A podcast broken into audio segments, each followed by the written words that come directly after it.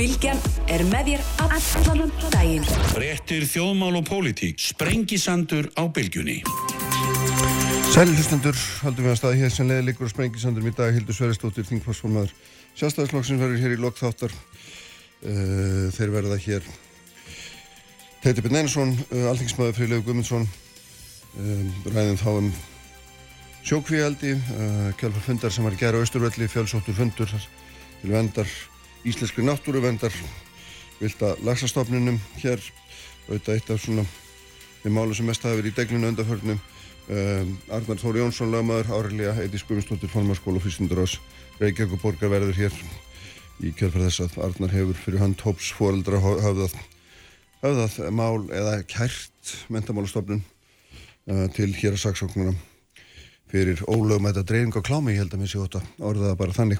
En ég ætla að byrja hér á alltur nótum, þeir eru hjá mér Simundur Davík Gunnarsson, hérna hjá mér í hljóðverinu, Lógi Einarsson og Símanum á Norðan, uh, sælir og blessaðir báði tveir Blessaður. Já, komið sælur. Já, sæl og blessaður minn og hérna, uh, þú veit þetta, hérna, og það sem við ætlum að ræða um er þessi uppreist gegn nútíma arkitektúr. Uh, þetta, er, þetta er víða um Norðurlöndin og reyndar komið til Breitlands, Hollands, Þýskalands og hingaðu þetta líka og hérna uh, svona ferört vaksandi og, og verðist vera einhvers konar þess að þetta er svona einhver, einhver uppreist gegn gegn hérna, svörtu kassunum sem að þekja meira og minna halva euro borðið eða ég eftir svona með einfaldið þetta með mikið logi. Hva, hvað er á segði? Þú ert, þetta er svona þitt fag og hvað, hvað, er, hvað er á segði það þínum að þessum? Nei, sko, fyrst vil ég nú segja að það er það, eðlilegt og, og sjálfsagt að, að almenningu láti sér þessi mál varða. Við erum að tala um uh, almannarími mm. sem að er hluti að veruleikanum oft í uh, ártugið En ég verði að higgja það með því að, að þetta er auðvitað ekki nýtt. Það verður verið einhver uppreist gegn nútímanum í alls konar myndum og uh, ég ger engar aðtváðsendu við það að, að fólk vilji stemma stegum við þessum metnaðalösa móternisma, þessum andlislösa móternisma sem hefur auðvitað tröfrið okkur Eh, en það er að gera gott mótinist hús og vond, en það er líka að gera gott klassist hús en líka mjög vond klassist hús. Mm -hmm. Þannig að öll nálgun sem að gengur út af það að banna omstriða músík, abstrakt málverk, órím og ljóð, það er auðvitað bært til að mistakast.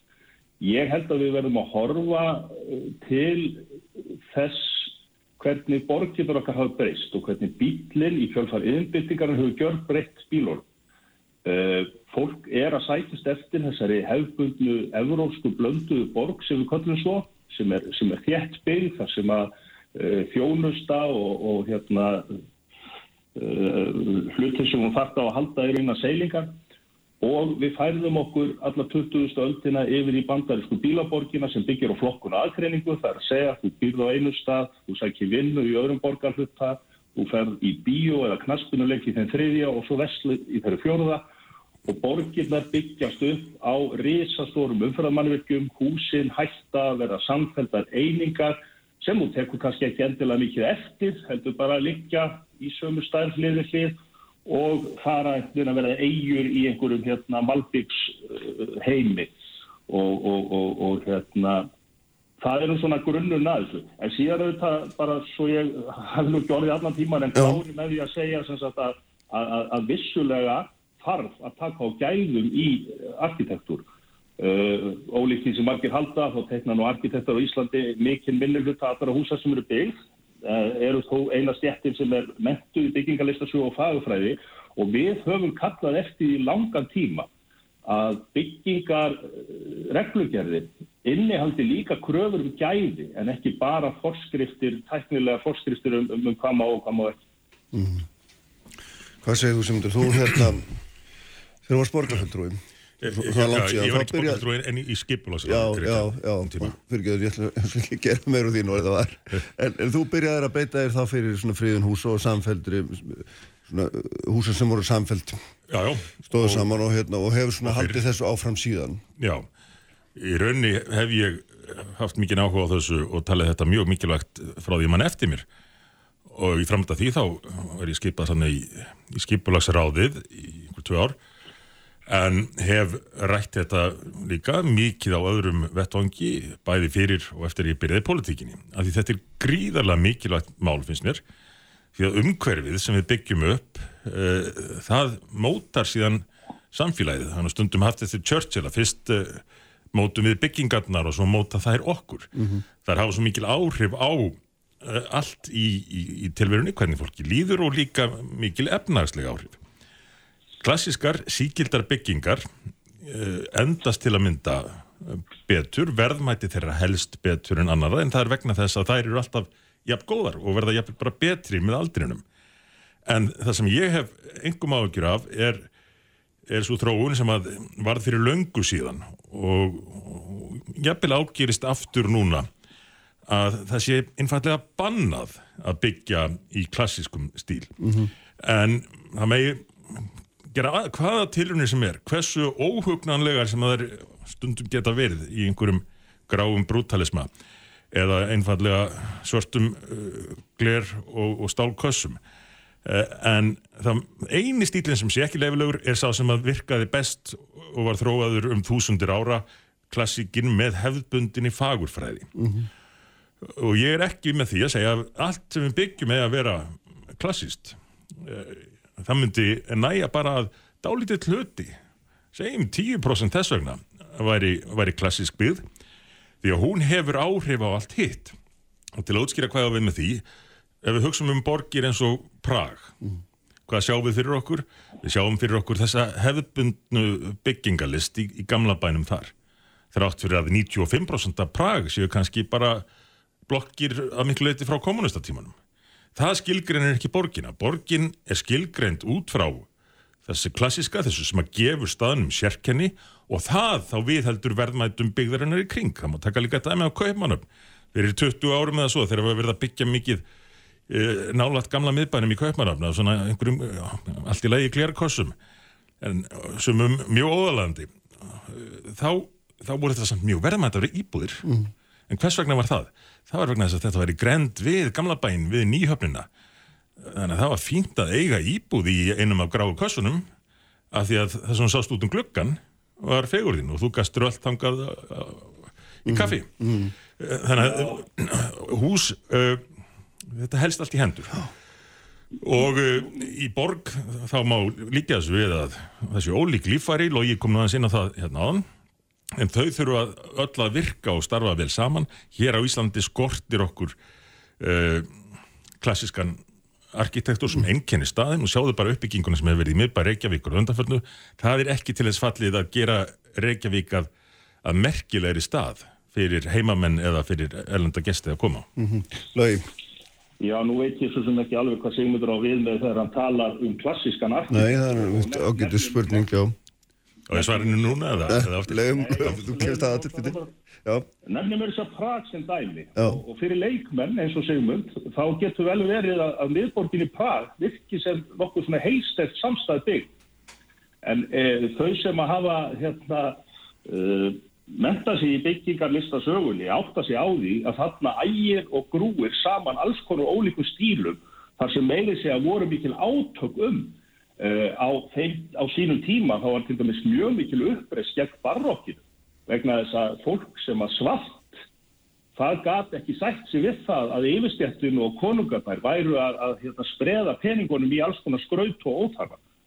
Og Sigmundur vittnar í, í, í kjössil og segir að, að, að hann hafi sagt að uh, við byggjum byggingarna fyrst og svo mótar það umhverjuð okkar. Það er ekki að ölluleiti rétt. Það er nokkuð að þannig að Uh, byggingar uh, sagan sínur okkur hins vegar hvernig samfélagin voru.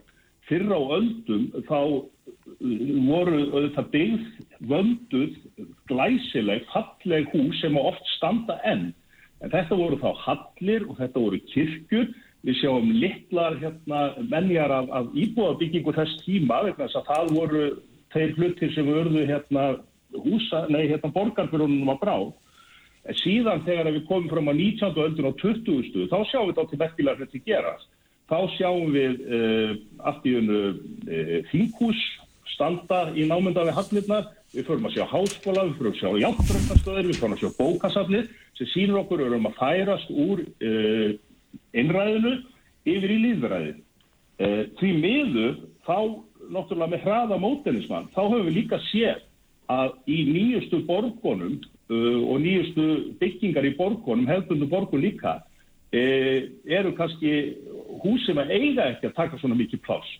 Þetta eru einhver risastór verslunarhús stórfyrirtækja, þetta geta verið bensinstöðar jafnvel uh, sem eru að berjast um, um, um hérna, aftikli við uh, hérna, hús sem að eiga að standa uh, og vera einkenni borga. Við sjáum þannig bara í Reykjavík til dæmis að, móti stjórnaráðinu við hliðun á hörpu sem er okkar menningar hóf. Þar er hérna, banki búin að reyðra um sig og reyna sagt, að stela eins mikið aðtiklu hann getur. Uh, ég er alveg sammála sigmundi að við eigum að, að hérna, við eigum að fara tilbaka í þessa hefbundnu borgarhugmynd, þetta hefbundnu borgarskiplag, þar sem að uh, hús eins og skrifstofur og íbúðir eru í svona röð og reglu og taka tillit til stærða og, og, og hérna, taka tillit til hérna, nágrennsins og sögunar og er ekki að rífa til sér á miklu aðtigli og síðan erum við með torg og byggingar sem skipt okkur máli. Mm. Ég held til þess að það skiptir minna máli hvort þú teiknar slíka byggingar í gotik eða klassik eða aftnuvó eða jafnvel móterisma.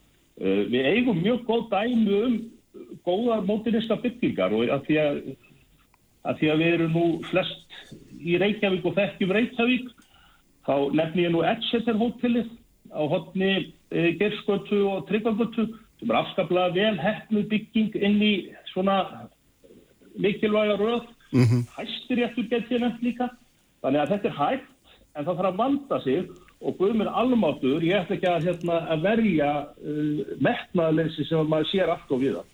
En hérna rétt á hún kennst það sem þetta, hvers vegna hvers vegna heldur þú að þetta hafi þróast með þessum hættilögi því að maður svona, því, svo er það þannig að, að arkitektar eru frekar fimmnir við að taka þátt í þessar umræði eins og svona þegar hún veldur svona fram og einhverju almenningu sem að mörgum finnst ekki að mikið vita og sér í hvort það er gott orðalag en, en það, það, það er svona það kemur engin skýring á því hvernig þetta hefur þróast, er þetta bara hagkvæmnisjónamið, nýtingarsjónamið, er þetta hérna á forsendum verktaka, hvað er það sem ræður já, já. í raun og veru för? Já, ég sko, í fyrsta lagi held ég að það sé alveg rétt hjá þér að arkitektar, eins og margar af starfstéttir í svona fáminu landir, oft og feimnar við ofnbjörða umræðu og við verðum að standa okkur betur við það. Uh, í fyrsta lagi er náttúrulega tiltúrulega nýtil komið að uh, arkitektar eða hönnur eru leitt séu að hanna íbúðarhús. Það var bara ekki gert fyrir á öldum. Þetta snerist náttúrulega bara um prakt byggingarnar. Uh, síðan var þetta viðfangsefni hérna uh, arkitekta og, og í byrjun aldarinnar með báhásreifingunni og funksjónalismarum þá voru gerðar bísna nekkilega tilraunir og við vorum uh, komin á þetta skemmtilega slóðir. Ég held að styrjaldinnar hafi náttúrulega sett átt í styrkir rekningin, hefði byggjum heila heimsálu mjög hratt og það var gert á fórsendum þú veist, engabilsins Uh, já, ég held að því þú spurði líka um það, ég held að, að, verktakar ráði ofta á tíðum allt og mikið uh, og uh, ég held að yfirvöld verða að taka það miklu alvarlegar og láta byggja á sínum fórsendum en ekki fórsendum þeirra. Mm. Þetta sést ekki alltaf bara út á húsónum. Ég meina þessi nýjustu miklu þjertingareitir, þeir, þeir innihalda líka íbúður sem eru algjörlega óbóðlega, það sem er bara sól, sólaljós í eina átt og, og svalir gagstara húsa kissast nánast og, og, og það er allt gett til þess að ná sem mest út úr reitnum þannig að hérna, komi gróð í kassa. Uh -huh. Við erum að byggja umhverju okkar og við eigum að, að, hérna, að vanda okkur og við segjum að við getum alveg verið liðsmenn í þeirri baráttu þó svo kannski við deilum hérna ekki alveg nákvæmlega sömur skoðun á fagufræði. Þetta er ekki fyrst skipti sem við logi ræðum þessi mál, þannig að síðast í vikunni sem leið ítrekkað á, á ferðin kjörða með okkar. Og alltaf gaman að ræða þetta við loga. En hvað fyrst varðandi þessa skilgreiningu á klassík þá eru þetta átt við uh, sígildan arkitektur. Arkitektur sem er sem heldur gildi sínu og er þá anstæðan við tísku arkitektur ég er ekki að tala um sérstaklega uh, grísk-rómerska klassík sérstaklega engöngu heldur alla þessa stíla barokk, art nouveau og allt það sem að logi nefndi sem eru sígildir stílar og fagurfræðilegir. Og það er það sem að vantar allt og mikið í oft, oft á tíðum í, í arkitektur nú til dags. En einnig eh, finnst mér uh, ofmargir arkitektar líta svo á eins og, og logi íjaði nú aðeins að hérna að almenningu bara vita ekki að uh, hafa ekki nóg mikinn skilning á þessu Nú hef ég, Nei, ég ekki. jú, jú, þú, þú svona gasti kynna þú væri lærður maður og, og, og leikmennir eins og ég, eh, bara skildi ekki alveg hvað þeir væri að horfa á. En málið er það að fólk almennt ber skinnbragð á umhverfið sitt og umhverfið hefur áhrif á fólkið. Og ég nú, svo sem kannski lesið mig til um, um hefðbundin arkitektur og sögu hans meira en, en all margir, jafnvel flestir aðrir. En ég var ekki engungu áhuga samur um hann uh, á tímambili skoðaði ég uh, nútímarkitektur, móternisma miklu meira heldur en eh, klassikina. Aðalatriði það að þetta þarf að fara saman, hvort tvekja þarf að vera leifilegt til þess að gegna sínu hlutverki og nú er það einfallega ekki leift að mati allt og margra arkitekta að byggja það sem í, í stíl við það, í samræmi við það sem þótti gott og gilt um ár þúsund og þá vantar mjög mikið inn í, í byggðirnar. Og af því að Logi nefndi það að í gegnum tíðina þá hefur þetta verið bara þeir ríku kong- kongar og keisarar einhvers slíkt sem hefðu byggt stóru húsin sem hefðu varðveist og þessna væri þau falleg þá minn ég nú bara það að litlu húsin eh, hús almennings frá liðnum öldum eru oft miklu, miklu fallegri heldur en það sem að almenningi er, er bóðið upp á í dag. Litlu kotin í sveitunum í, í, Breitlandi eða á Norðurlöndum, Þískalandi og, og svo, svo framvegis og svo framvegis, jafnvel félagslegt húsnæði. Í Belgíu getur maður skoðað félagslegt húsnæði frá því fyrir 500 árum síðan. Og það eru fallegar byggingar sem eru enn félagslegt húsnæði og fólki líður vel þar og passar upp á húsin sín af því að þau eru aðlaðandi og til þess fallin að lifta andanum í stað þess að draga niður. Og það er megin ágefni mitt að við fáum ofmargar byggingar sem að svona draga okkur niður. Eru ef ekki mannskemmandi þá, þá svona draga okkur að minnsta kosti andlega niður. Byggingar eiga vera til þess fallnar að lifta andanum og þá þurfum við að minnsta kosti að leif okkur að hafa með reynslu síðustu ár þúsunda um það hvernig það, um hvernig það er best gert En þetta er náttúrulega hérna lögi, ja, fyrir Já, auðvitað eigum við að gera það og við eigum við að byggja sem sagt sko ekki með einhverjum byltingarkendum nýjungum heldur sko eigum að byggja á, á, á, hérna, á, sögunni og hlutinir eiga að þróast hægt og rólega. Eh, Ég byrði nú segjum út afsökunar ef hann hefur eitthvað misskilið mig. Það sem ég átti einfallega við var að, að, að, að, að þessi stílar sem að sem sagt einkenna miðborgin í Prag, þeir eru það ótal margir og það er ekki hægt að tala um einhverja mjög heilstæða hérna, mynd þó að kunna virðast þannig fljótt og litið. Það sem að þó gerir það að verkum að þetta er svona fallegt og gott, það er auðvitað hver, hver einstöku stíl er náttúrulega mjög glæsilegur, en það er líka það að, að, að menn gæta að því halda sér í svona sömu stæl, sama skala. Við á 20. öldinni höfum hins vegar tekið alveg ótrúlegum framförum á mörgum sviðum, ekki bara þessu sviði, sem hefur uh, gert okkur gott, en það hefur líka gert okkur ógang. Og það er mjög auðvelt að byggja risastóra byggingar og sprengja bara skala á heilli borg á, á nokkur mánuðum.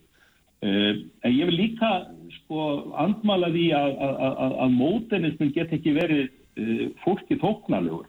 Það hefur líka oft með samfélag að gera. Hann getur verið það, ég, ég held ekki öðru frá Það nei, nei, það er til dæmis almennur svona velvilji í hans skarð, bæði á Spáni og Portugal. Akkur skildi það nú vera? Jú, þau tengja mótenismann við í rauninni líðræði spiltinguna sem átti sér stað þar upp úr 1970 vegna þess að það er líka þekktu sögunni sigmundur að einræðisherrar allra tíma hvort sem að þeir voru fyrra á öldum eða þessi 20. alda hérna, einræðisherrar eins og Stalin og Hitler þeir hafa alltaf sókt í klassíkina. Klassíkina hefur alltaf verið symbol fyrir valdið. Og þá er ég að tala um eh, hérna hefðbundu klassík. Eða sko, ég verð nú aðeins að bregðast í þessu því að einræðis stjórnir, ekki hvað síst í Austur-Evrópu, lögðu mitt mikla áherslu á modernisman og ég á margar góða bækur um, um mjög skrautlegar eða undarlegar byggingar byggðar í Austur-Evrópu á tímum kommunismans, en aðalega voru þeir auðvitað því að byggja sem ódýrastar, einfaldastar Já, já, blokkir, kassar, Það er náttúrulega ekki, það er náttúrulega ekki skilgreining á mótenisma. Jú, jú, jú, þetta var, þeir, jú, jú, jú, jú, þeir lögðu sig fram um það að vera mestu módernistarnir, af því þeir væru svo nútímalegir. Sósialismin væri nútímin og almenningur undir sósialismunum Módernismi er stefn, hann er ekki, hann er ekki orð yfir nútíma sko. Þú er, Nei, nei, nei, já, já, ég, ég, en, en ég bara segja þér já, já, sem, já. sem er söguleg staðrind Já. að sósialistanir, kommunistarnir í Östur-Európu mm. skilgrindu sig sem módernisma fyrst, Mhm. fyrst og fremst uh, Nei, ára, áratugin áður en að múrin fjall að hann kemst og kemst að lagi Já, þú, þú þekkir uh, til í Östur Berlín og í Varsjá og öllum þessum borgum þar sem stjórnir kommunistana vildu fyrst og fremst hafa fólk í sínum hilkjum, í sínum nútímalegu kossum og svo voru byggðar opinberar byggingar í anda einhvers mjög utopisks uh, modernisma. Eh, En eh, klassíkin var kannski tengdari á, á þeim tíma við gamla og, og, og sósialistarnir töldu sig fulltrúa hins nýja og við sáum þetta líka í Svíþjóð uh, við sáum þetta jafnvel á Íslandi þar sem að þeir sem að vildu vera fulltrúar hins nýja vildu ekki sjá neitt sem að tengdist fortíðinni. Og þannig kannski ö- urðu fyrst til þessir fordómar gagvart hefðbundinni fagufræði hún verður að fá að lifa, hún verður að fá að vera með. Þótt að við kunnum að meta uh, fallegar, vel hannaðar mótiniskar byggingar líka. já, lagi Já, já, ég held að við séum nú okkur villugotum hérna með skilgreiningut á mótenismannum og, og hérna og mótenistar í listum í Sovjetríkjana á sinni tíma vorum ekki tekninu verklinga tökum til dæmi sko.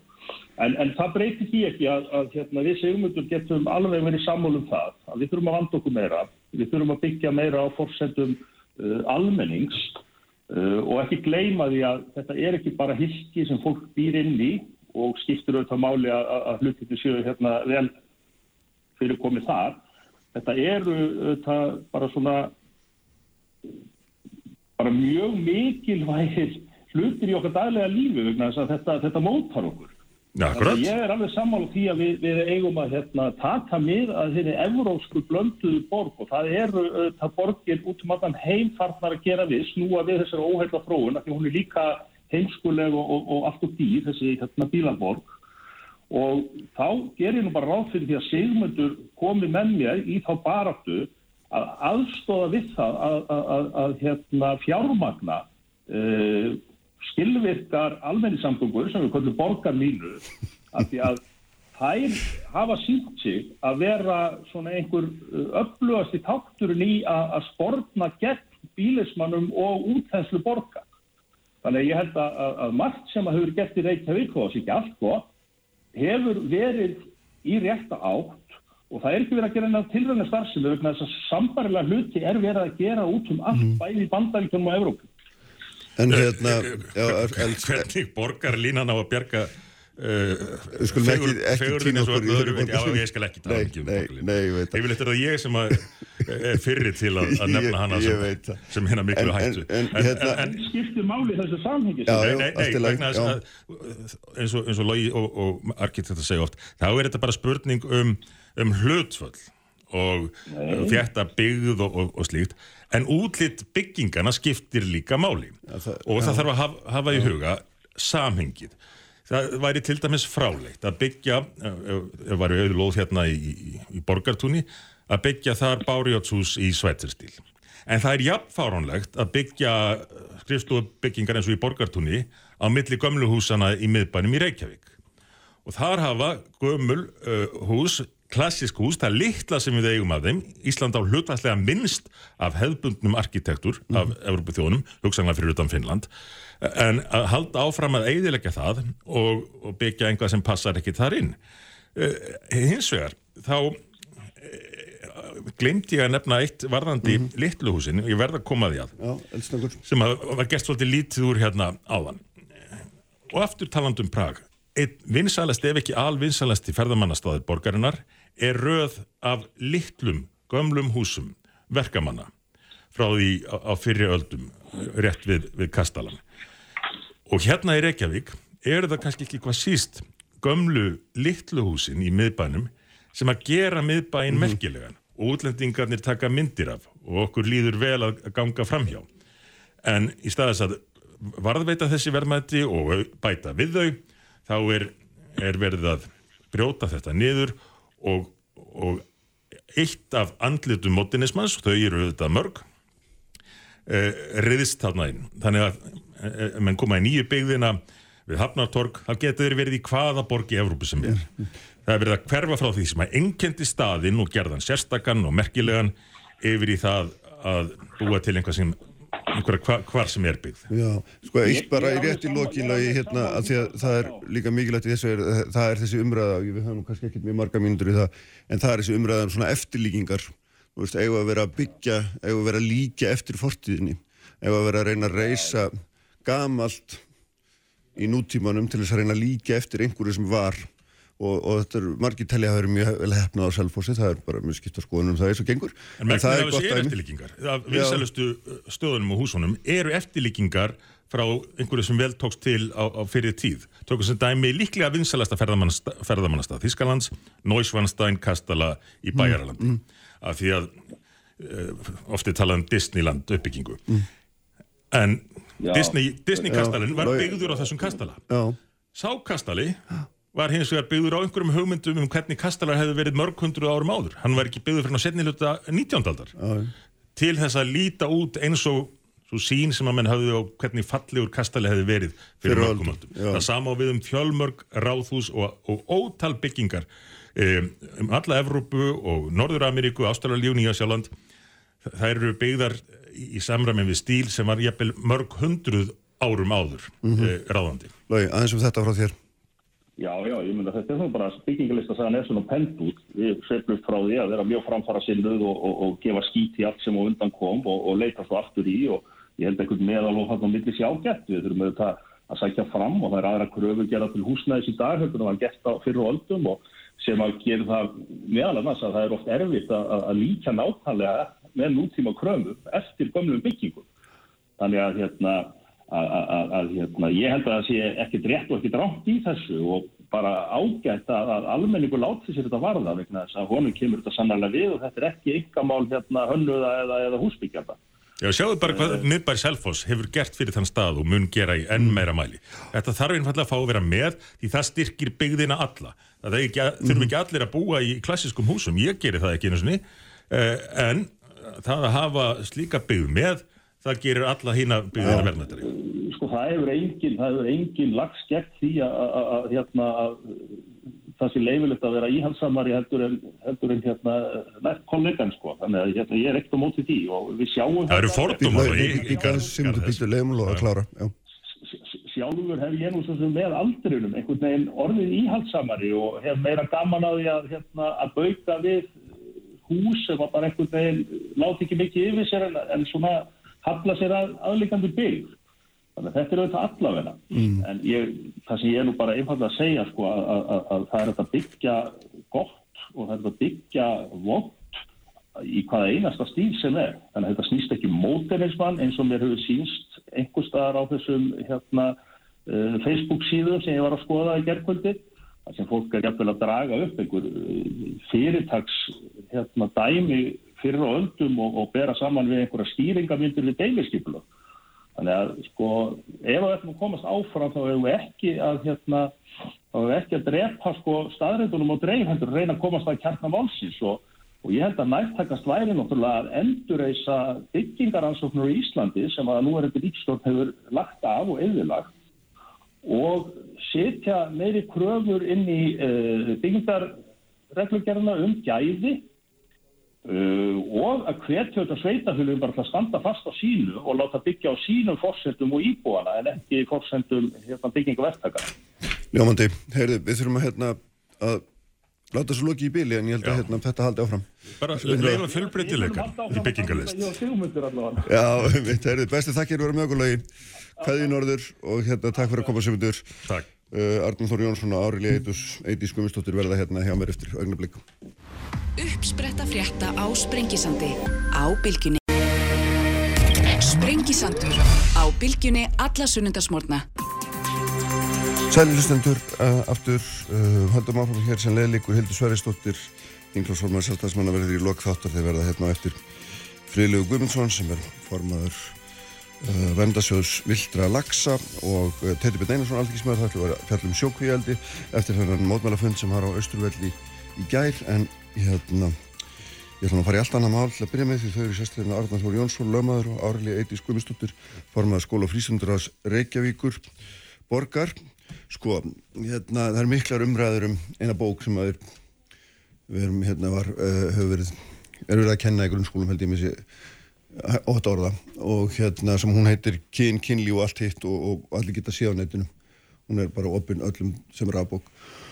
Og nú hefur það gæst hérna, Arnar, að þú hefur fyrir hönd einhvers óskilskeins fjölda fóreldra, hafða mál og hendur, nei, þú kært mentamálastofnun, svo ég segi orðið þetta rétt, uh, og hérna fyrir dreifingu kláms, ég held að þessi er það ekki í raun og veru. Og særa blíðun að kenn fólks og, og svo framvegis, hérna, og þetta eru, það eru, hérna, þetta eru ákveði sem varða sko alltaf sex ára fangilsi sem þú ert að, á grundvöldi þeirra hverja sem þú ert að, ert að, að, hérna, fara fram og að gera sakróknari skoði mál þetta og, og, og hérna ég veit ekki sko hvað er að segja við þekkjum þessar lögsóknir í bandaríkjanum, ég held að þetta sé nú nýjunga við séum komin í mál og hendur stofnum ríkisins fyrir svona kennsluöfni Já, sko í, í svona almennu opnu frjálsu líraðis samfélagi þá er það nú partur af því að greinar valdþætti ríkisins tempri vald hvers annars mm -hmm. þannig að það er ekkit óeðlötu það að að eitt þáttur ríkisins sé beðin um að yfirfara hvað aðri þættir er að gera. Og í þessu tilviki snýr þetta þannig að fjöldi fóreldra hefur leitað til mín og Er, er þetta tíu eða hundra? Sko ég, ég get sagt það bara alveg reyndar heðarlega að ja. það voru að bætast í þennan fjölda alveg þóng til að laða þetta fram og ég kannski er ekki með endalega tölu en svona cirka en svona ég myndi sko kannski í, í þessu skjali á að gíska eru þetta 20 manns mm. en ég hefði ekki þetta lagt fram að minnst kosti þrjári viðbót sko því að fjöldin sem að hefur haft samband við mig síðan er markfaldur með þetta þannig að það er mikil undiralda meðal foreldra og þetta er bara fólk sem að greinlega vil taka ábyrð og uppeldi sinna batna og hafa eitthvað um það að segja hvernig að því er staðið og vil ekki útvista uppeldismálum alfarið til skóla. Skólar mm -hmm. eru í grunninn mentastofnanir og í grunninn ættu það að vera hlutverk fóreldra að ábyrða og uppeldi sinna batna og þessir ágætu umbjóðandum minnir telja að í þessu tiltegna rétti sem þú vísa til sé að finna bæði myndir og texta sem að í rauninni særi bliðunar kent og bliðunar semi og, og brjóti gegn svona ákveðnum siðrænum lagalegum, menningalegum eh, og jáfnvel trúalegum sko, stóðum sem að Íslands samfélag hefur byggt á um aldir. Og á það er lögð áhersla að þeirra hálfu að það ber að verja hér sko bernsku barna á þessum yngstu stegum og sakleysi barnana, ekkert sé í rauninni heilara heldur en sakleysi barnana og mm -hmm og við sem samfélag ættum að leggja okkur fram um að standa vörðum það og það er það sem þau vilja gera. Þannig að við erum í rauninu óskæfti því að yfirvöld yfirfari það sem þarna stendur og leggji svo sjálfstætt mat á það eftir að hafa eftir aðbyggum rætt við þá sem að ábyrg bera á því að byrta þetta mm -hmm. hvort að þetta sé sko í lægi og, og samræmist aftur þeim meireglum siðferðilegu, lagalegu og stjórnskipulegu stóðum sem við viljum mm -hmm. og höfum byggt samfélag og markmið er sérst að reyna að koma einhverjum bak við lásaslá í 46 sko, ár. Já sko. Já, ég meina það er það, er, það sem að þú ert að not, þú ég, notar það lagagreinar það sem þetta er heimilt. Já, já. Ég, ég vís, Þannig er vísað í stjórnaskrána já, þannig er vísað í barnavendalögin mm -hmm. og það eru vissulega ákvæði í hefningalögum sem að mæla sko, leggja bann við því að börn séu sínd á klámfengin eða kynferðislegan há mm -hmm. og það er mat minna umbjóðanda að það sé gert. Mm -hmm. Síðan er það bara sko úrlausnarefni hins opimbera að, mm -hmm. að leysa úr því hvort að hvert þeirra mat er en, en sko það, það er hérna það er ekkert, uh, ég sé ekkert aðtöðaveltu það þó að einstaklingar út í bæ sko óskefti því að, að yfirvöld sko leggji mat á því hvað hva aðrir þættir ríkisins sé að gera Nei, og við, við treystum skólaeyfjöldum fyrir börnunum okkar og það, það á þá bara að vera opi og liggja sagt, vera, vera, það má ekki vera hafiðu gaggrið sem gertir en að vekja skólana Sálsög ekki. Árlega, hvernig horfur þetta við þér? Þú ert formað skóla og frísundasviðs Reykjavíkuborgar Já. og hérna, við svo ekki í þessari stopnu sem gerur þetta út en það er Nei. sama, þetta er efni sem er í skólum Reykjavíkuborgar Já, já, já, já. Um, Ég hef verið mest hissa á umræðinni sem að, hefur farið fram og kannski eh, það er, það er svona nokkri þættir sem eru mjög mikilvægir að hafa í huga, eh, mikilvægt hafa í huga. Fyrsta lagi þá er það þannig að, að kennarar velja efni fyrir börn sagt hérna eftir, því, eftir aldri þannig að, og þau kennarar eru sér mentaðir til þess að veist, eru, þeirra mentur líkur í því að velja efni við hæfi með við þroska. Og svo í öðru lagi vil ég segja að hérna þessi, þessi rauk um, um að særa bleiðunarkend, það er eitt af því sem er, er hérna það sem að særi þína bleiðunarkend gæti ekki sært mína bleiðunarkend og svo framvegist. Þannig að þetta er alltaf mjög huglagt mat, hvað er og það sem að mér þykir kannski vest af öllu er að setja hugtæki skömm inn í þetta vegna þess að hugtæki skömm við vitum það sangat rannsóknum að, að þegar við erum svona komin að fara, færa snært í hugtæki þá erum við að tala um að, að útiloka eitthvað og það hefur mjög alvarlegar afleðingar ég vil benda á þá staðreind að í fyrsta lagi þú nefndir að trista kennurum og við treystum kennurum og þeir eru að gera þetta mjög vel ég vil líka benda á það hjá Reykjavíkuborg að þá er það hluti á okkar mentastefnu að ebla sjálfsefling og félagsfærnir algjör grundvallar hérna hugtæk og það er það sem við mentastefna okkar byggir á. Það er þannig að hérna meiri segja í biblíunni myndu finna heilmikið um kynlíf og um samlíf og um hérna sambönd og það er þannig að, að grundvallar forsönda farsals lífs er í rauninni að vera hérna öflugur einstaklingur og kunna og vita og kyn þroski eða það hvernig þú upplifir sjálfan þig hefur, stór, hefur mikið að segja um það hvernig okkur gengur. Við vorum að fá nýja könnun frá og ég held að það sé svolítið við þurfum að taka þetta samtal.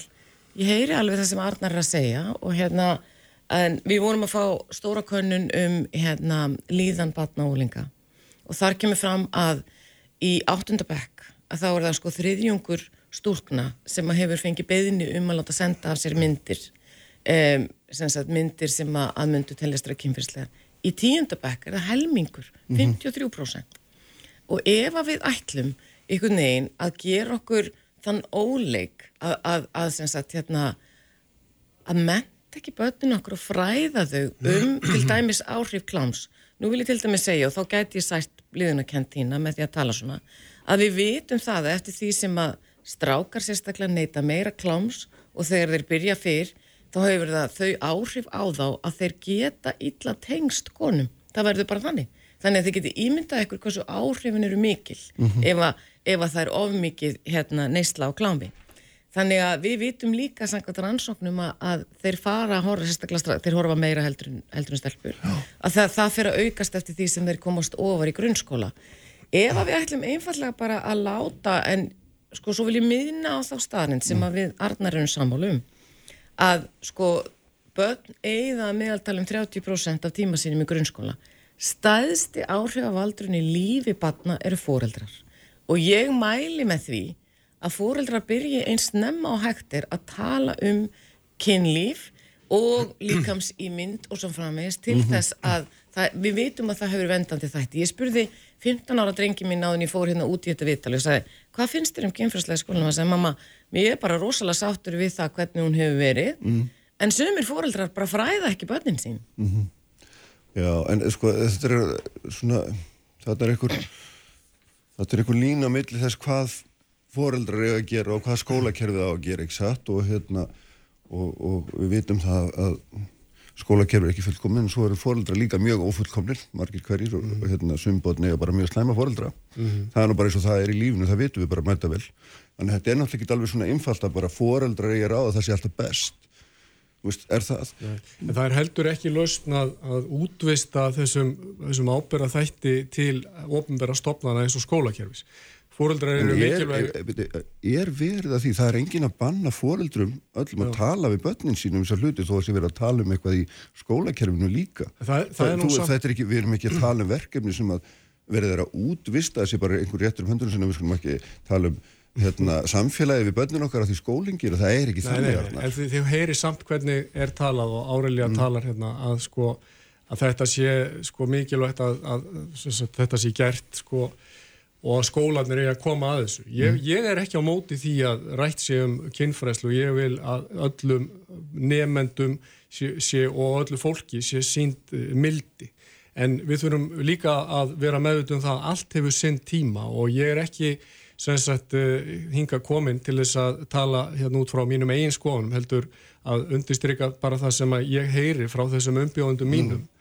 Að, að sko grafíska lýsingar á kynlífi, kvartning til kynferðisleira aðtapna, kvartning jafnvel til þess að bötsi að taka myndir af sínum viðkvæmustu svæðum, kvartning til þess að bötsi að prófa alls konar kossa og svona myndefni sem er verið að hengja upp í skólum landsins sem að jafnvel er þið ekki upp, hengt upp á vinnustöðum fullorins fólks. Þá spyr fólk sig á þetta erendi við börn. Ef að við myndum ekki sem fullorði fólk sætt okkur við þetta eh, ég samála því sem árilega segir. Við þetta þurfum að byggja upp heilbriða og, og, og góða einstaklinga og berskan er mikilvægast í mótunatími við veitum það öll en hvort að það á alfarið að vera eða svona stóru hluta út frá einhverju sem heitir sko hefð kynferðislega og hefð líkamlega. Í sögulegu tilliti höfum verið litið svo á vissjum andi, sál og líkami. Og ég veit að fólk sem að auðvitað glými við kynáttuna vanda líður sálar kvalir. En mér finnst þá sjálfsagt að við sem samfélag séum opinn fyrir því að ræða um hinn andlega veruleika mannsins, hinn trúalega veruleika um eiliðarmálin en ekki bara færa börnum þau skilabóð þau séu bara líkamar bara sagt, hormónar og, og hérna, all tilvistin einhvern veginn snúist um um, um hér kynræna. Það, það held ég séu röngskjöfum Má ég aðeins, hérna, sko það hefur nefnilega verið þannig að, að hjá borginni þá erum við með svona hérna ungliðaráð sem að kemur er í skólum og við viljum ítaðandi líðræði og, og hérna undirbúðu þannig líka fyrir þáttöku í samfélaginu og það hefur verið núna sem sagt nokkur ári röð þar sem að þau hafa beðið sjálfum það að foreldrar fái kynfræslu og ég held í rauninni og við höfum með mitt hugsaðbyttu er það okkar hlutverk? Mm -hmm. en ég held í rauninni að þeirra ákall sé við viljum opna umræðina vegna þess að okkur þykir þetta mikilvægt. Og við erum að upplifa eitthvað sem að hérna er, er mjög hérna mikilvægur og stór þáttur á því að verða heilbrið manniska og það er svo sannarlega mikilvægt að hvert fóreldri taki nákvæmlega þetta líka með anda og sál í sínar hendur og, og ræði við, við mm. sín börn eftir því við hvað þroska þau eiga. En, en er, er útilokað vegna að það er auðvitað, sko, þú talar hérna um úlinga, mm -hmm. við erum líka að tala um sko efni sem er lagt fyrir börn mm -hmm. alveg fyrstu stegum skóla. -hmm. Er ekki, getur ekki alveg verið, ég er engin fræðigur um þetta, en getur ekki alveg verið að menn hafi farið fram úr sér og sé að leggja fram efni sem er ágætlega hendt út fyrir eldstu stíginn en passar bara ekkit fyrir þau yngstu. Ég meina, finnst þér útiloka að það geti verið... Sko, ég get lofa þér því, Já. ég get lofa þér því mm. að, að kennarar sem að núna upplifa mikið vantröst í syngar, vandamáli okkar er það, þeir segja bara, sko, við viljum ekkert vera að taka þessa fræðsli þegar það er, sko,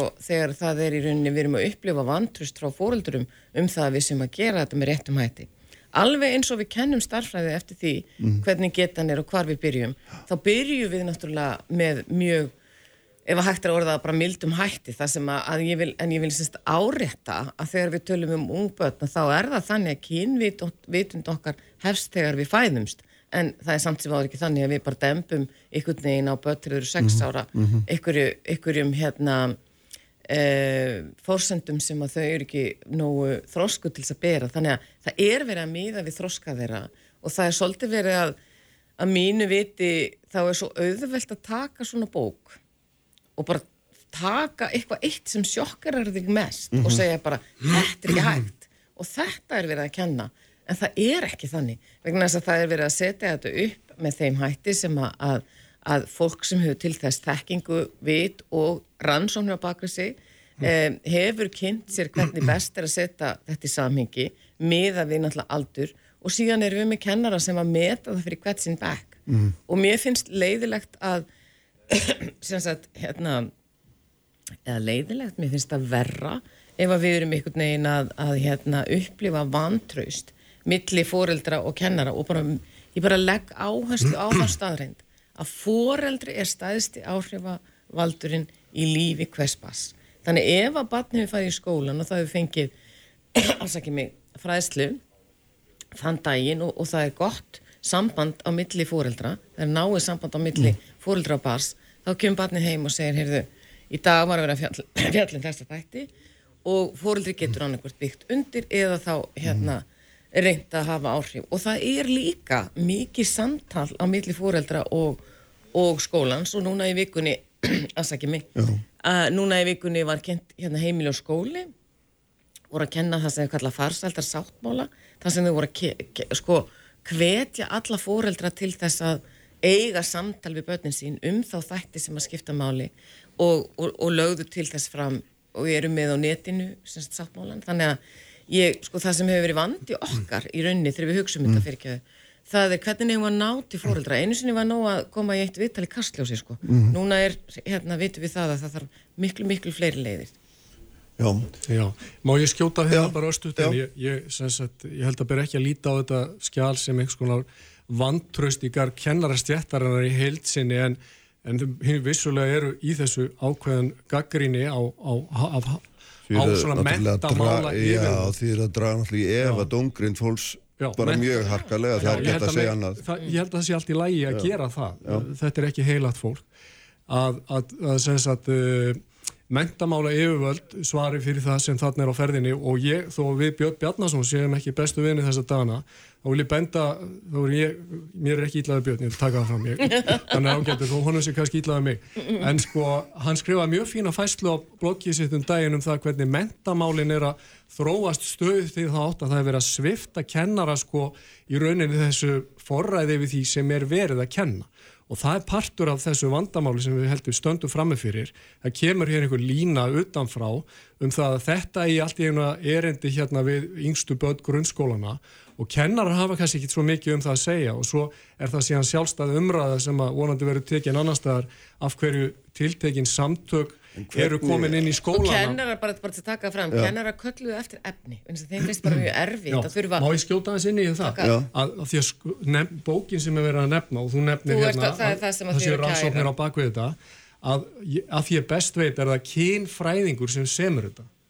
En auðvitað svona allt námsefni finnst þér það að vera sko, eitthvað neikvægt eða Sko menn geta verið, eins og segir, sko, Þannig að starffræðingur mætti ekki semja starffræði. Jú, sjáðu til. Já. Þetta er bara það viðkvæmt efni og við erum öll að tala um þetta svona í heildrænu samhengi, það, þroska já, og, og uppbyggingar mm. á, á karakter barnana, mm. að sko þetta er eitthvað efni sem hefur þurft að semja á breyðari grunni Uh, og, og, og fleiri, hef, Hva, fleiri hefðu þurft að koma við, að? við með þessu Arnar, hvað á ég við? Já, hvað veinar þú segir þetta? Að semja á breyðari grunni. Er það eftir að meina fólk sem, að, sem vill ekki láta tala um þessu hluti hefði átt að hafa um það að segja? Undir útskýra fyrir mér að koma ef, ef að þú vilt stuðla þinni almennu heilsu mm. þá ferðu ekki bara til sko, eins sko, sérfræðing sem er sérfræðingur í annari nös og öðru eira þú, þú hlýtur að vilja sko leita að heldrætni sko sína á það hvað byggir mm -hmm. þau upp líkamlega og andlega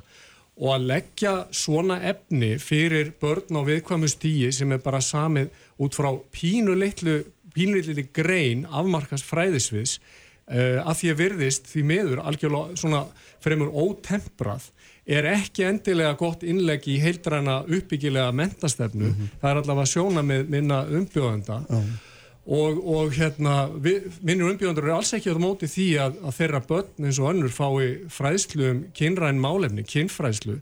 En áherslan er bara þessi, það er ekki sama hvernig að þessi staðið.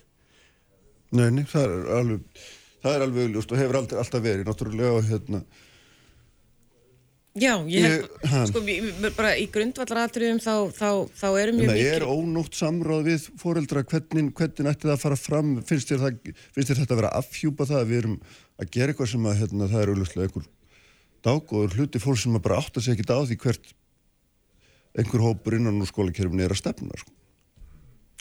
Alls ekki og mér langar til að taka það fram að, við gerum það okkar besta til að vera í samstarfi við fóreldra hvert einasta hver einasti kennari mm. er í samstarfi fóreldra og hver einasti, hver einasti skólastjórnandi leggur gríðarlega miklu áherslu á það. Það sem er mjög mikilvægt að gera er hlusta börnin sjálf og hérna um, ég held að sko ég held að við verðum aldrei sko það er ekki hægt að taka í burtu vald fóreldra það er ekki hægt að og, og stundum er það sko, stundum er það vandamál, skilur við, þú veist að við, við getum ekki tekið í burtu ábyrð fóreldra á hérna, á því hvernig viðkomandi reynir að stuðla sem hérna heilbrjóðasta einstaklingi til framtíðar. Og stundum hefur mér fundist að það sé verið í rauninni að, að setja á herðar skólana og mentakerfisins allt og mikið að, að sko skólinn og mentakerfi eigi að sjá um eitt og annað sem að, að tilheyrir náttúrulega fyrst og fremst heimilinu. En við verðum að átt okkur á því samfélagi sem við búum í. Núna til dæmis eru hver, hver, sko, flest öll börn sem að orðin eru tíu ára eldri eiga síma og í þessum síma er aðgengi að þeim allan sólarhingin og ég hef átt mikil samtöl við laurugluna til dæmis á þessu ári sem að segir bara þú verður að átta þig á því sem fóreldri að um leið og batnið þetta er komið síman í hendina þá er komið aðgangur á batninu sem að, hefur aldrei verið jafn mikil áður af alls konar öflum. Og það hefur mikil áhrif. Nú ef að við ætlum að bregðast við með þögninni einni saman eða þá að, að, að hérna, búa til sko einhvers konar svona bliðunarkend og skömm í kringum kinnfræslu sem að, að ég er nú 56 ára gömul þannig ég er mann tíman að tvenna hvernig þetta var á þeim tíma það sem að, að, þetta var einhvern veginn svona stelpur og stráka fóru sitt okkur lægi og, og þetta var einhvern veginn svona ákveðna blasur Ein blaðsíða já, ég fræðinni. það, ein blasið þenni bók og, og, og, það var, og það var sko hérna, það var í rauninni sko, kent út frá skömm en ekki reynd að, að, að útrýma skömm. En það er rosalega mikilvægt og fyrsta sem að mér langar til að segja við fóreldra í sambandi við þetta er bara í sambandi við símtækin sérstaklega. Þú átt síman þangar til að batni 16 ára. Þannig að hvert og eitt fóreldri ætti að setjast niður með batninu sínu reglulega og segja nú ætlum ég að fara í gegnum allt það sem er í símanæðinu og við verðum og það er það sem við erum að glíma við í skólanum. Við erum að glíma við veruleika sem að er ólíkur því sem að kannski við fóreldrar þekkjum en er ofsala flókin fyrir þau hérna þá sem að eru. Og bara þessi staðreind sem ég nefndi áðan að, að við erum að sjá meiri vanlíðan. Við þurfum að vera skinsum, opin og fyrst og fremst að ná til fóreldra til þess að þau einmitt útvíki sína hérna ábyrð á því hvernig börnunum líður og þeim líður ekki vel. Hérna, verðum að loka þessu Arnar, Já. ég veit þú ætlar að svara aðeins en eitt í viðbútt, leðu, leðu þú hættir sko, útiloki því eða hafni því því að, að, hérna, að svona efni sé einmitt hérna, geti verið til þess að svona, hvað maður segja, efla vitund badnálinga um sjálfa sig, réttindi sín og, og svona þá fríðhelgi sem þarf að vera í kringum hérna, sín eigin líkama og þar með talið að þau vergi sér betur gegn einhvers konar áreiti meðal annars stafrænum en auðvitað líka en ég, ég, ég, get tekið undir margt sem að þú segir og margt af því sem að árilega segir en áherslu punkturinn kannski er þessi sko að allt hefur sinn tíma og það er ekki sama hvernig hlutinur eru settir fram. og þú veist, í sjálfu sér er það bara mannlegt að finna til skömmustu og blíðunarsemi og það er ekkert ljótt við það, það er svona ákveðin varnarmekanismi bara fólks gagvart því sem er augljóslega kannski bara ljótt og særandi og barshugurinn er tær og þegar maður er nálægt ungur barni þá skinja maður bara sakleysið og nánast bara návist við Guð. Og maður vill ekki að þetta sé sörgað eða mengað með ótímanbærum hætti með einhverjum orðum eða myndum sem eru bleiðunar særandi og ég vil, varandi, ég er að samála þessum að áreilega segja með símana, ég held að því miður að börnin okkar muni tala um símana eins og við tölum um síkaretu hérna, neist tóbaksnótkun fóraldra okkar það sem var reykt ofan í okkur í bílónum að börnin okkar er ég hugsalega eftir að segja við sínbörn, já við fengum að vera með síma hugsaðu ykkur bara daginn út og daginn inn og bara sáum alls konar hluti sem við vildum ekki sjá. Að það er, það er svona tíminn hérna er, er, er dómari okkar líka og ég held að við ættum að hafa það í huga þegar við tökum ákvarðanir um það hvernig við umgöngust börn og annað fólk. Og ég held að, ég vil bara segja, mildin er alltaf góður leiðavísir í því. Mhm, já. en það er ekki mikið mildi óska fjörður sagt frá fangils Já, ég er bara að óska eftir endurskoðum fyrir hönd mín, mínu umbjóðanda sem er, sem er misbúið. Ljómandi, bestu þakki bæði tvöum þeir eru einnig hjá með Teitibjörn Einarsson og Freylugu Guðmundsson. Á eftir Sprengisandur. Á bylgjunni Sprengisandur. Á bylgjunni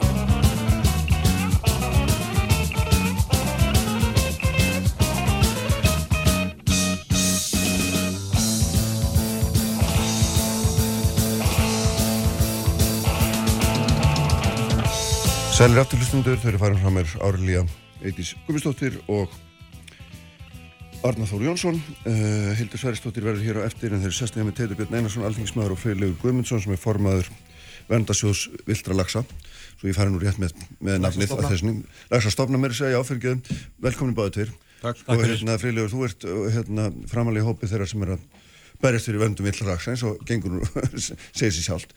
Og þið voruð hérna, stóðu meðal hana á, á samt fleirum að þessu fundi í gerð, þess að hún sagði mér að verðast talið að væri 3000 mann segði mætt á Östuvöld til þess að já, til þess að mótmæla hverju raun og veru, mótmæla sjókvíaldi per se eða hva, hvað raun og veru hva, hva, hvað svona vakir fyrir ykkur Um, það sem vakið fyrir okkur, uh, ég er formaður uh, vendarsjóðs vilda lagsastofna Já. og okkar megin markmið er að venda vilda lagsin og það höfum við gert í meirinn 30 ár. Orri Vikfússon stopnaði sjóðin og þegar hann stopnaði sjóðin á sínum tíma þá er aðal vandamálið eða þess að hættan sem vildum lagsi stafar af er veiðar í úthafinu Mhm. og nú er í dag hefur það breyst sjóðurinn kefti upp þessari veiði, veiði heimildir á sínum tíma og hefur gert síðan þá Uh, í dag er helst óknin fiskjaldi í opnum sjókjöfum. Vísindarsamfélagið er á einu málum það. Ég meina uh, ISIS sem að uh, Íslendingar taka þátt í og, og Íslenska ríkið sendi sína vísindamenn. sem er nákvæmlega hvað? Það er sagt alþjóðlegt vísindara ráð um sagt hérna, rannsóknir á fiskstofnum Mhm. og lagsir þar á meðal. Og hérna það er bara metið á hverju ári staða hérna, stoppsins, hverju landi fyrir sig, tölur eru tekna saman og það er talað um hverjar hættunar eru. Og það er alltaf saman í þústafan og hefur verið öruglega í, ég man ekki, 10, 15, 20 ár að fiskeldi í opnum sjók, sjókjum er helsta manngerða ógnin sem viltum lögsum stafar af. Þannig að e, það er alltaf margt annað í gangi í, í, hérna, í, við heimi sko viltara lagsa. Það er engin spurning, þannig að þetta er ekkit eina ógnin, ég, við erum ekki að halda því fram. En þetta er manngerða ógn. Og ástæðan fyrir því að e, þetta er svona mikil ógn e, kemur fram alltaf sama niðurstað ár eftir ár eftir ár og það er það sleppur alltaf fiskur úr svona kvíum. Og hann leitar alltaf upp í ár og hann reynir að blandast við vilta, nei, fiska. Og það eiðilegur erða e, efni, eða sérst erðir DNA fisksins sem er búin að vera þróast í þúsund ár frá síðustu ísöld þannig að fiskurinn er, vilti fiskurinn er hæfur til að lifa af og meðan e, eldislagsin er það ekki, þetta er bara hústýr Svo eru lúsavandamálinn, þau eru kannski búin að vera minni hér á Íslandi bara út af því að eldið er frekar nýtt. Þau eru svakalega í Nóri og Skotlandi og viðar. Þannig að við munum sjá meira því, klálega á komandi árum eftir því sem framleyslan ekst. Ég held að það sé engi spurning. Þannig að krafan okkar er, til að svara spurningunum, er að það þarf bara að stöðva fiskildi í opnum sjóku. Það er bara stöða, það er... Ég, það þetta er... gengur hvergi upp. Þa, það er bara ekkit flóknar en það. Þannig að ég, ég bara, af hverju ættu að leiða þetta ef þetta gengur ekki upp? Við erum með frábæra aðstæður hérna á Íslandi til að stunda landildi. Þar ertu ekki með þessi vandamál, þú ert ekki með sleppingar, þú ert ekki með lús og menguninni er, er stýrt. Þannig að það, það bara liggur beint við í okkar hérna, huga að við erum að venda lagsinn, þetta er helst óknin, þannig að auðvitað fyrir við fram á þetta. Já, Teitur, þú hérna skrifaði grein í mokkan Morgumlaðið, uh, það sem þú segir að þetta sé, þessi rauk, þessi ósk öllu heldur, krafa, hvað kallum það, um að hérna, hætta sjókvíaldi þar sem menn komnir langt út í skurð og sé fullkomlega hérna, út í hött. Já. Er það ekki? Rétt skilja mér að þegar, hérna, er, og af hverju? Ég er þeirra skoðuna. Erst þú til í að taka þessa áhættu sem að, minna auðvitað eða einhver áhætta? Já, afstæða mín uh, til fiskheldis sem ég stið, uh, hún er fyrst og fremst byggð á því að uh, sjókvíaldi sko, býr ekki til þá hættu fyrir vilt að lagsastofna sem að láti er í öðru vaka og þetta eru nokkri þætti sem þarf að fara yfir. En aðalega tveir kannski sem ég ætla að fá að reyfa hérna stutlega. Fyrsta lagi er það hinn lífræðilegi þáttur. Sem er að horfa á þessa gena, gena samsetningu og er það fræðilega þáttið því. Og uh, það sem er lagt í grundvallari því að eldislags 15. kynnslóðar hústýr mm.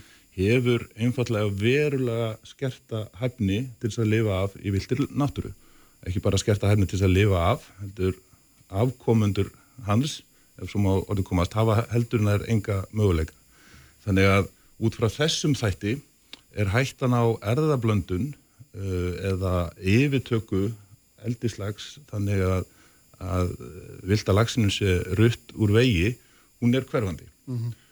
Uh, þetta er eitt þátturinn og það er sjálfsagt að fara aðeins nánar í hann á eftir, en hinn þátturinn sem er ekki síður mikilvægur, af því að við, þessi, þessi líffræði öllsumul, uh, hún byggir á þessum rannsóknum og, og þekkingu í vísindarsamfélaginu, það er alltaf þannig að það er einhver óvissa uh, um, um líffræðina í þessu og áhætta þá. Og áhættan sem að er lögð til grundvallar sem að svona vísindarsamfélagi sammála um er að hætta á erðablöndun er til staðar.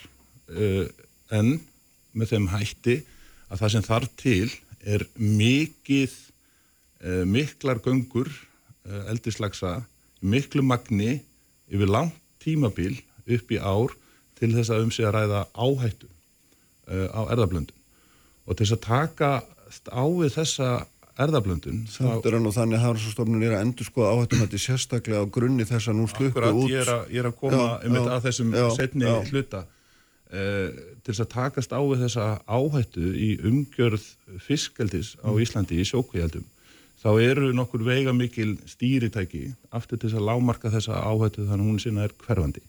Fyrsta lagi erum að ræða fjallæðar uh, mörg þannig að fiskaldi er haldið frá ám. Það liggur alveg fyrir. Þetta er stórt atrið. Hitt, annað atriði er áhættum að Hárafnarstofnunar eins og þú varst að koma hérna inn á sem er líkan sem reiknar út ákveði framlöslu magn og áhættu og gefnum forsendum og þetta er þessi stað.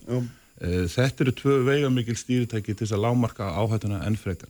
Til viðbótar við það, þá er fiskeldi búin svo hérna umgjörð, uh, strángar kröfur til búnaðar, eftirlits, vöktunar. Uh, það er svo sem ekki óskegvöld eins og við getum rætt hérna varandi þessa slísasleppingu núna í Patrísfjörði. Uh, en fjórði þátturinn sem að enn frekar takmarkar þessara áhættu eru þá eins og mótvæðisækjari sem hægt er að grípa til og við höfum nú séð uh, það í fréttum hérna uh, rekköfun og, og hérna árvakar í ám og, og fleira.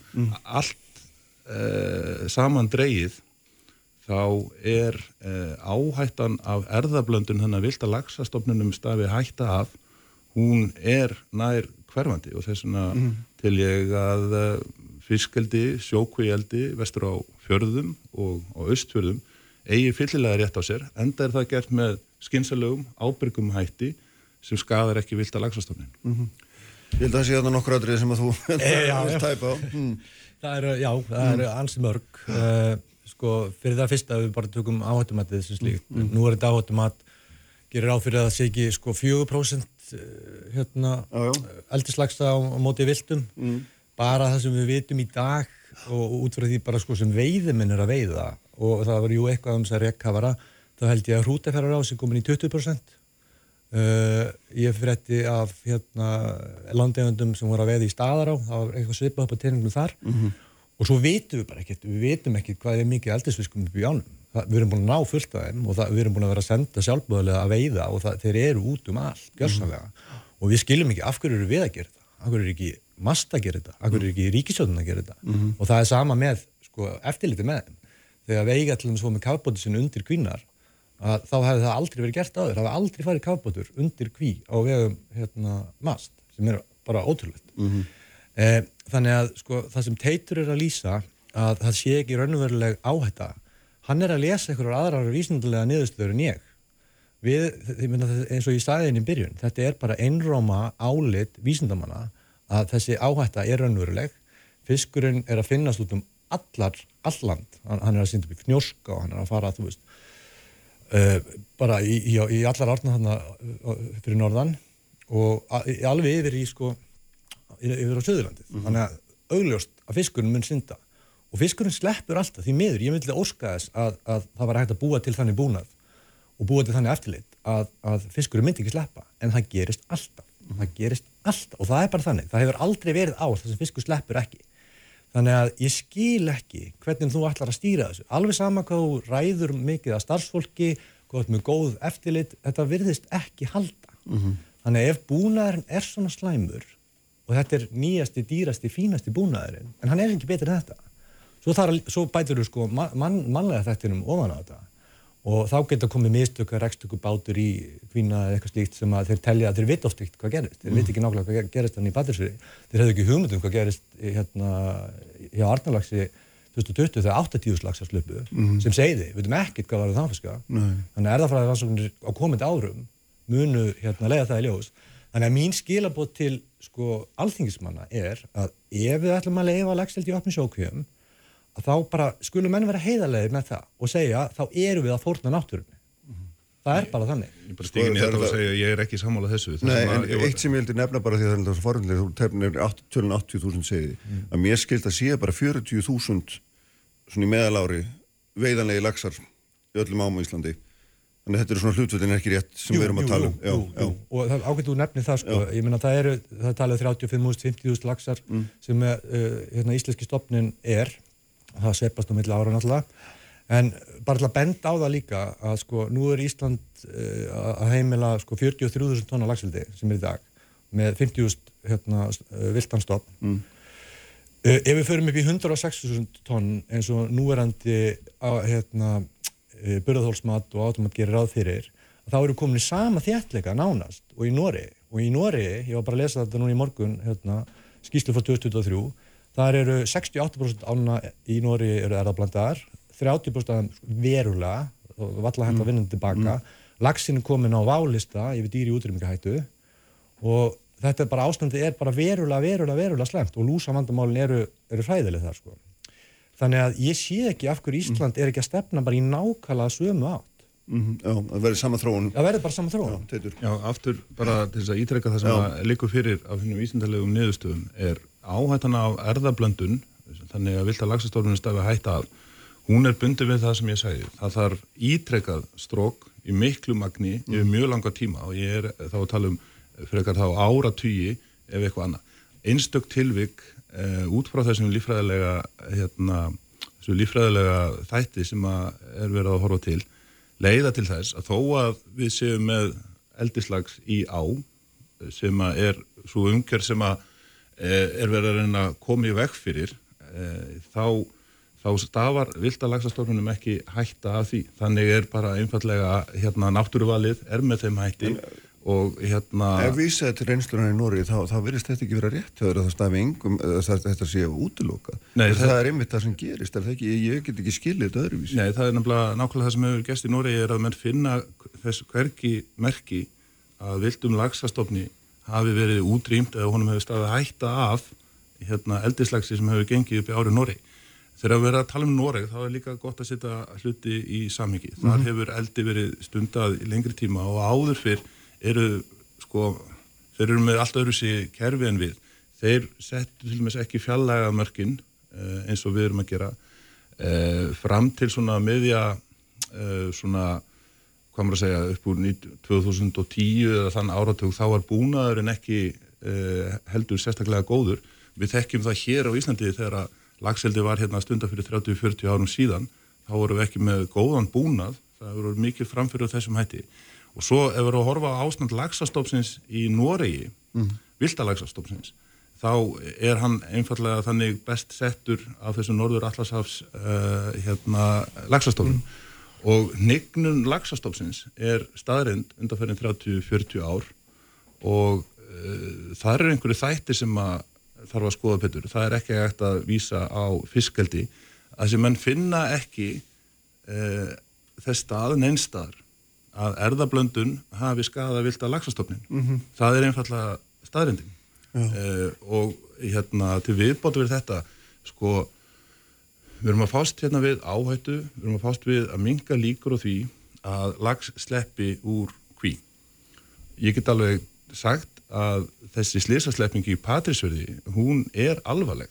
Það er ljóst að... Umhverfisli, saði umhverfisráðurann. Já, maður kalla það hvað sem er sko. Hún er alvarleg. Það sem er ljóst að það fyrirtæki sem umræðir að eitthvað í starfsemi þess fyrirtækis fór úrskeiðis.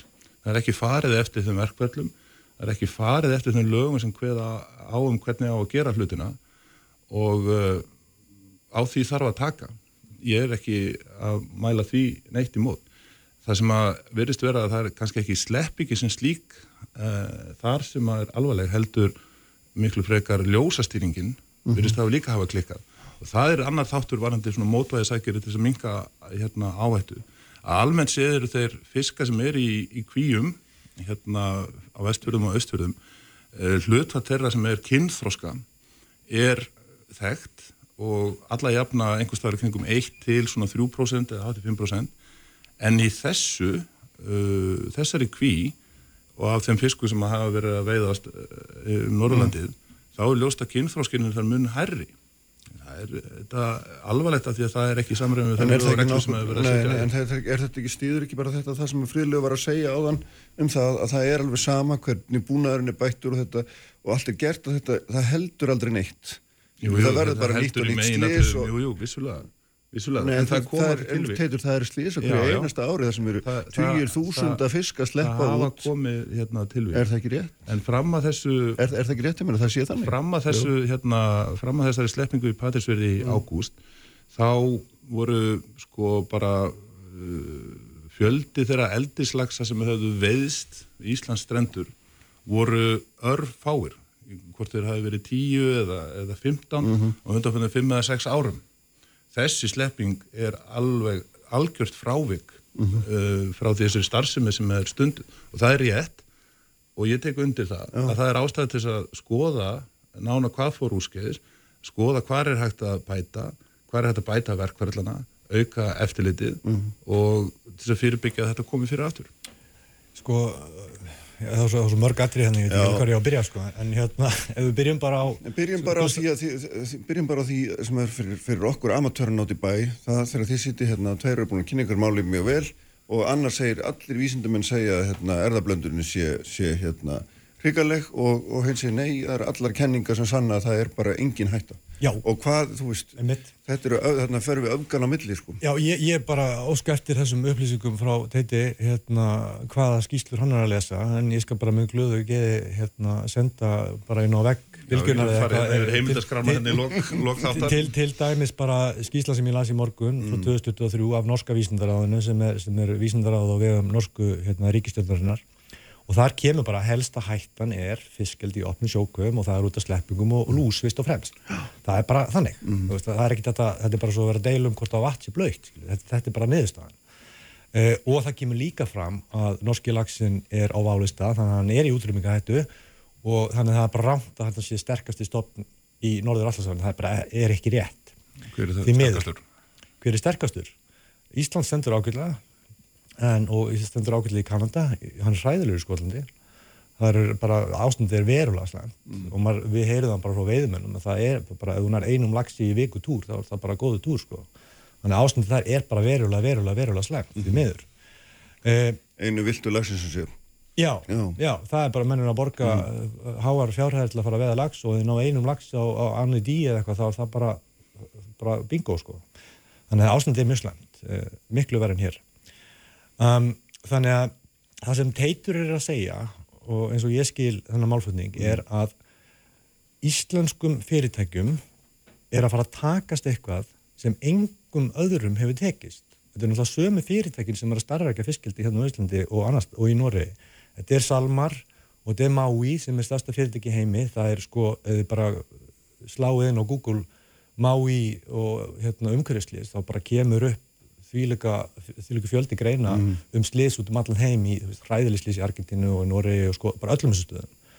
Uh, þannig að ég skil ekki hvernig íslenskum alþingismönnum hver- af hverju þeir halda það að þeim takist að gera eitthvað sem engum, engum öðrum hefur tekist. Uh, þannig að þetta er bara gjössanlega óskilvægt að mínum að þið Já, við getum alveg hérna, verið að bera saman hérna, hvar fræðimenn er að skrifa um þessu. Það likur fyrir rannsóknir eins og frá Katlíeni eða Flemming eða Glover sem að mikið af því sem að áhættum að erða, nei, Hárásmannstofnunar uh, byggir á. Það hafa líka íslenskir fræðimenn af þessu sviði verið að skrifa um þetta og verið að byrta uh, skrár yfir þær skýslur og rannsóknir sem hafa verið gerðar bæði hér innanlands og erlendis. Eh, Allt bera sama bru- brunni sem er þessi niðurstað sem ég fór hérna yfir í byrjun. E, til þess að þessi hætta á erðablöndun sem að ógni tilvist vilda laxastofnuna þá þarf gríðalega mikla hérna, innblöndun miklu magni yfir mjög langan tíma. Þá er mögulega hætta á að þessi merkjanlega erðablöndun. E, náttúruvalið einfallega er með þeim hætti að hérna, eldisfiskur uh, riður ekki í vilda laxastofninum uh, úr vegi. Þú snýrið ekki þróunakenningunni með þessum hætti einfallega á haus. En til viðbóta við þessa áhættu sem að er til staðar, þó hún sé hverfandi, þá er umgjörðin sem að fiskeldi er skapað með þeim hætti að takmarkana enn frekar. Uh, árangur Íslands er ágættur við sko íslensk fiskeldi uh, á sér stittri sögu uh, ég er þess villu sem að við séum að forðast mistök sem voru áður gerð varandi búnað og eftirlit og vöktun og slíkt sem að önnu lönd uh, lærðu af. Ég tel að við munum geta náð minn betri árangri í þessu og minkað þessa áhættu enn frekar. Uh, og það leiðir þá þessari niðurstöðu það er verið að spyrja hvernig geta alþingismenn komist að þessu niðurstöðu sem ég er á. Hún er einfallega svo að uh, vilda lagsastofnunum stafar ekki hætta af eldi með þeirri umgjör sem hefur verið skapað hér á landi. Mér grunar að þú kaupir þetta ekki fyrir lögur. Nei, alls ekki, langt frá því. Því miður og, og sko, mér finnst við líka bara sem fólk sem eigum þetta land, að við höfum enga rétt á að eiðalegja vilda lagsastofn. Það er ekki verið að gera það og þessi krafum að banna sko, Teitur- er gjörsanlega algjörlega út úr en- korti er með fyrir? vísindalegu er við höfum fyrir staðrætti sem liggja fyrir og það er raunveruleika sem að klára. hefur skapað. Hvað við höfum rétt fyrir okkur? Hvað höfum við að gera þegar við erum komin í óöfni eftir nokkur ár, þegar við erum búin að fá nýjustu rannsóknum erðafræðum hérna, rannsóknum Havró og staðan er orðin hansi slæm. Hvað þá? Ætlið þið þá að taka kvinnar upp úr sjónum? Við, við, höfum bara ekki, og, að fara að stækka með hvernig Það staðan er er ekkert sem núna. bendir til þess að það hafi rétt fyrir ykkur í fyrsta lagi og hérna Er ekkert sem betur til að við höfum rétt fyrir okkur? Nei, það er nefnilega Hvað meinur þú? Það er það eru- er það það er það sem að- sem að- sem það að það við það við það byggjum- fara við- yfir. við byggjum, það er verið að kalla það- okkur alls konar það- nöfnum en við byggjum alla, allan okkar málflutning á réttrýndum vísindalegum greinum. Þú getur skoðað allar aðtöðsendir sem við höfum sett fram við lagafrumvörp þau eru, hérna, það eru heimildir fyrir hverjum einasta hlut sem við segjum. það, eru, það eru linkar, þú getur bara klik- klikka á og getur bara lesið þetta. Já, það sem að þið eru að Þannig að segja við- við erum ekki að fara með ekki staðist. mál. Við- það- Nei, það- Við erum ósamlega um þetta Já, ég er þá ekki bara vantarlega- ósammála vísindum- Svo umgjör Það sem er að er það. skapað og byggir á, á hérna, áhættumati til að mynda hafrásmannastofnunar sem er verið að endur skoða núna. það, það sem að þið eru að fara fram á er í engu tengslu við þennan hérna, veruleika engu tengslu við þessa vísindalegu niðurstöðu um hvernig þetta er að fullera við skulum hver er hérna- áhættan að verðablöndu Já, við verðum að hérna, láta lokið. Takk fyrir. Takk fyrir báðum. Takk Og takk hérna hérlega. Hildur Sverristur hjá mér hérna eftir augnablík. Sprengisandur. Alla sunnudaga á bylgjunni. Frettir, fróðleikur og frábær tónlist Alltaf björt og brosandi.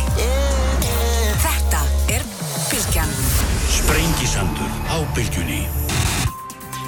Sæli afturlustundur erum þá hér á loka sprettinum þeir eru farinir fram með Teitur Björn Einarsson og Freilegu Guðmundsson eftir fjöru ára umræður um, um áhrif sjókvíeldis á, á stopp viltra lagsa hér á Íslandi og það er alveg auglust og það er, er heimin og haf á milli hérna, þeirra sjónamiða sem að fram, framkomu en hérna, ég ætla að vinda mér í allt annað. Hildur Sveristóttir sem er uh, þingflokksformaði sjálfstæðisflokksins tiltölan í skipuð er hérna hjá mér. Sælu blessuð, velkomin.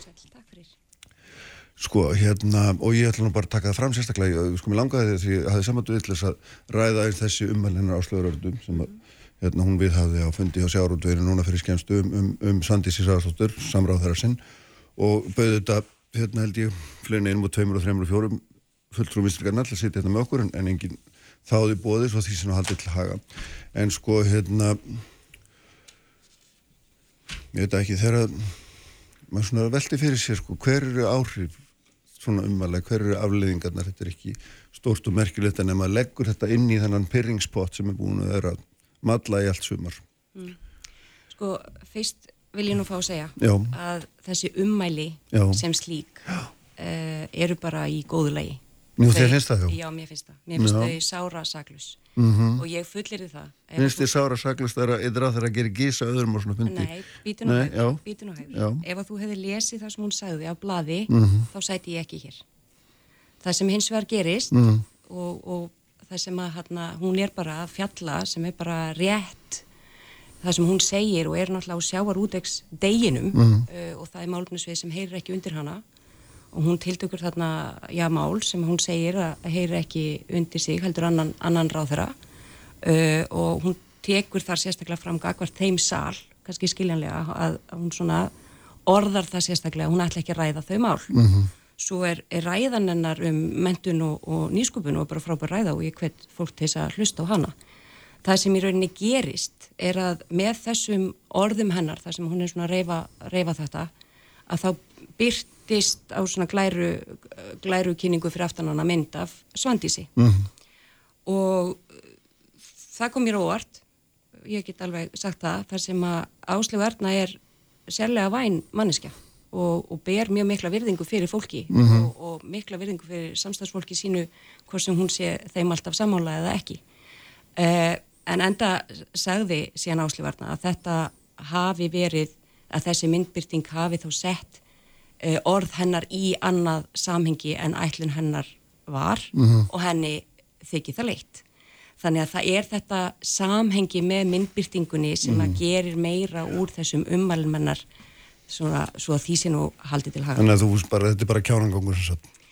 Nei, sko, en það sem að verður nú líka aðeins að setja í orð hérna Mm. er að mér finnst umræðan um þetta mál með miklum ólíkindum og það var farið svona svolítið harkalega af stað og mjög bratt. Og ég var nú svolítið svona að hugsi yfir fréttaflutningi alveg frá því á, á fimmtudag það sem var í rauninni fullirt alls konar sem ég fæ ekki séð að standa í skoðun. Mhm. uh, og, og eins og ég heyri að þú, bauðst hérna fullur um vafki að vera hérna með og það er auðvitað að vera réttar að, að, þau sjálf myndi kannski segja hvernig þeim líður. Uh, en ég, ég hef ekkert heyrt um eða fundin eitt fyrir þessari meintu ólgu og, og að þau hug- hugsi áslögu þegjandi þörfina eða Mm. hvernig sem var orðað í, í fréttaflutning En og sá nú samt ástæðu til þess að nefna það sérstaklega hérna, fólk geta að tala um virðingum hvort um annars og framvegis sem er nú bara sjálfsæði hlutir Já, og, og þarf ekki að segja en það þurfti að segja það í þessu tilviki. Eða var það ekki? Í fórsetsáþra kemur bara og segir að, að sjálfsögðu að þetta hafi verið óuppilegð og óviðeigandi framsetningi, mann og ekki hvernig hún orðaði nákvæmlega Já, Já, já, Nei, en, en eins og um, með umræðana og ég mér langar bara að fá að nefna það, nú Mm. kannski ekkert stórmálin einu samingi hlutana, en, ég var nú svolítið hugsi, ég var semst gestur í vikulókunum í gær, þar sem Mhm. að ég var þar og, og reyfaði eh, bara um það bil, þetta sjóna með mitt, kannski með þessu orð, öðruvísi orðalagi, en, en þetta var intakið og ætla bara að fá að nota tækifærið að í hátegisfréttum rúf var því bara allt öðruvísi stilt fram, sko Mhm. og mátti skilja af þeirri frétt að mér að fundist þetta alveg hrikalegt mál af, af hálfu áslegar örnu og Mhm. það er bara ekki rétt og svo má kannski bæta við að það var ekkit, alls ekkit auðsótt að, fá það leiðrétt sko. þannig að maður verður aðeins að staldra við og spyrja sér stundum að, að ég menna hvort að fjölmiðlar og ég tala nú ekki náttúrulega um ríkisfjölmiðlin sem þeir verða bara að passa sig á að flytja fréttinnar af raunveruleikanum en ekki, ég veit ekki, einhverju óskikju um meira krassandi fréttir um, að- um að þetta sé allt hrikalegra í ríkistjórninni en það er, ég nú veit ekki ekki. verið hressilega breyða yfir það öll framsetning, allt svona allt fas ráðherrans tjáning var til þess fallin að draga nákvæmlega það áleiktun að þarna væri verið að gera gís að samráðherra í ríkistjórn og, og þú leggur það ofan á allan þennan pyrring sem hefur verið í allt svimar, ég meina þá hlýtur þú sem fjölmiðill að hérna að þurfa að tólka það sem einhvern hluti þeirri atbyrðar ég held að sé bara annaði bara eiginlega alveg, alveg gaga Ég skil, ég, nei, ég, ég, skil alveg hvað þú ert að segja Já. og, og ég menna enda er, En hefur, hérna, hefur, hérna, hefur hérna komið fram að þessi sko, framsetning, að þetta samhengi Mm. uh, það,